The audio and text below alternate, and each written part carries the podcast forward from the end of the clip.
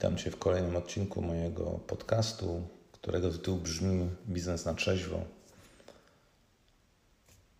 Dzisiaj jest czas, e, w którym wszyscy mówią o koronawirusie i o pomocy państwa dla Twojej firmy, ale ja chciałem Ci zwrócić uwagę na jeszcze jeden element. Dzisiejszy czas sprzyjał będzie różnego rodzaju naciągaczom i złodziejom. Przeżywałem podobne momenty w latach 90., kiedy Balcerowicz wprowadził swoją reformę i z dnia na dzień, podobnie zresztą jak dzisiaj zmieniła się działalność, e, rzeczywistość gospodarcza, to wygenerowało no, kilka niezłych biznesów, ale wygenerowało też całą grupę hochsztaplerów, którzy nauczyli się jak w tej mętnej wodzie pływać i naciągać ludzi na pieniądze.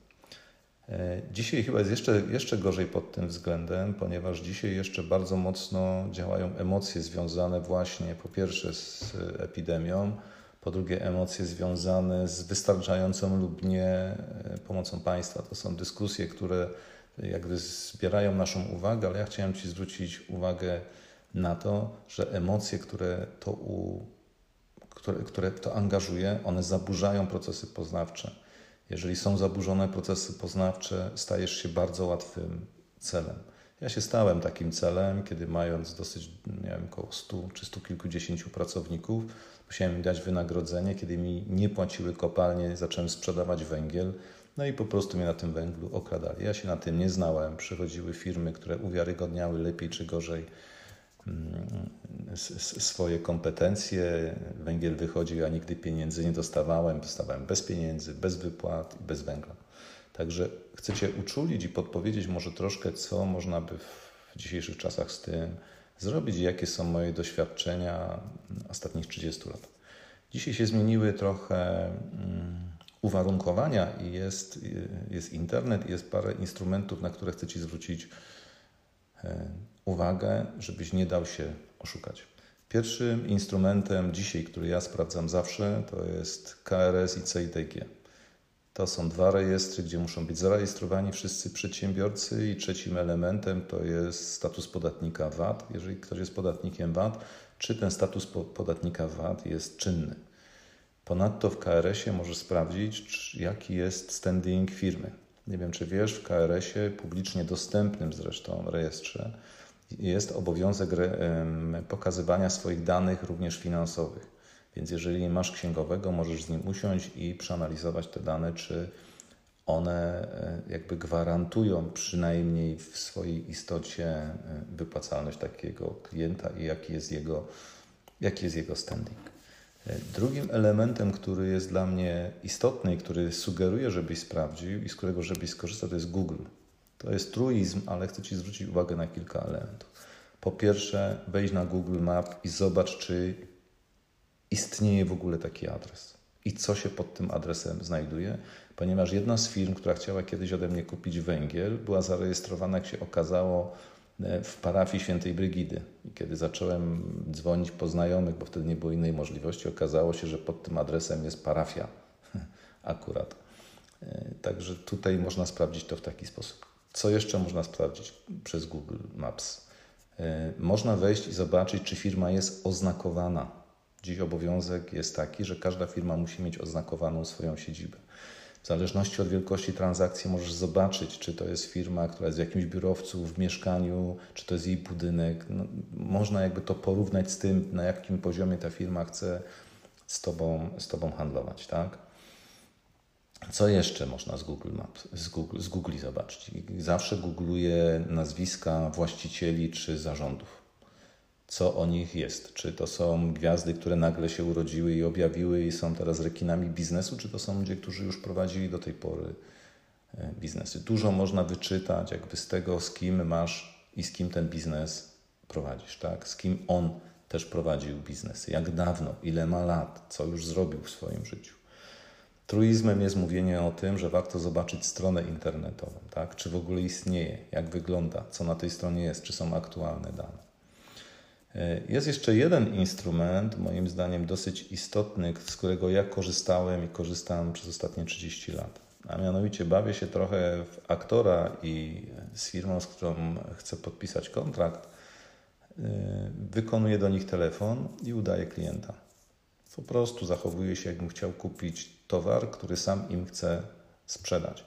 Z takiej, taką rozmowę można sobie przygotować, z niej też można dużo wywnioskować. Po pierwsze, czy, jaki dają termin płatności, po drugie, jakie dają cenę. Miałem też taką sytuację, że firma, która chciała ode mnie kupić węgiel, kupowała ten węgiel ode mnie za 200 zł, a kiedy zadzwoniłem do nich i chciałem ten sam węgiel kupić jako klient, to się okazało, że chcą mi go sprzedać, już teraz nie pamiętam, za 180 czy za 150 zł, więc jasne było dla mnie, że nigdy w życiu żadnych pieniędzy e, nie zobaczę.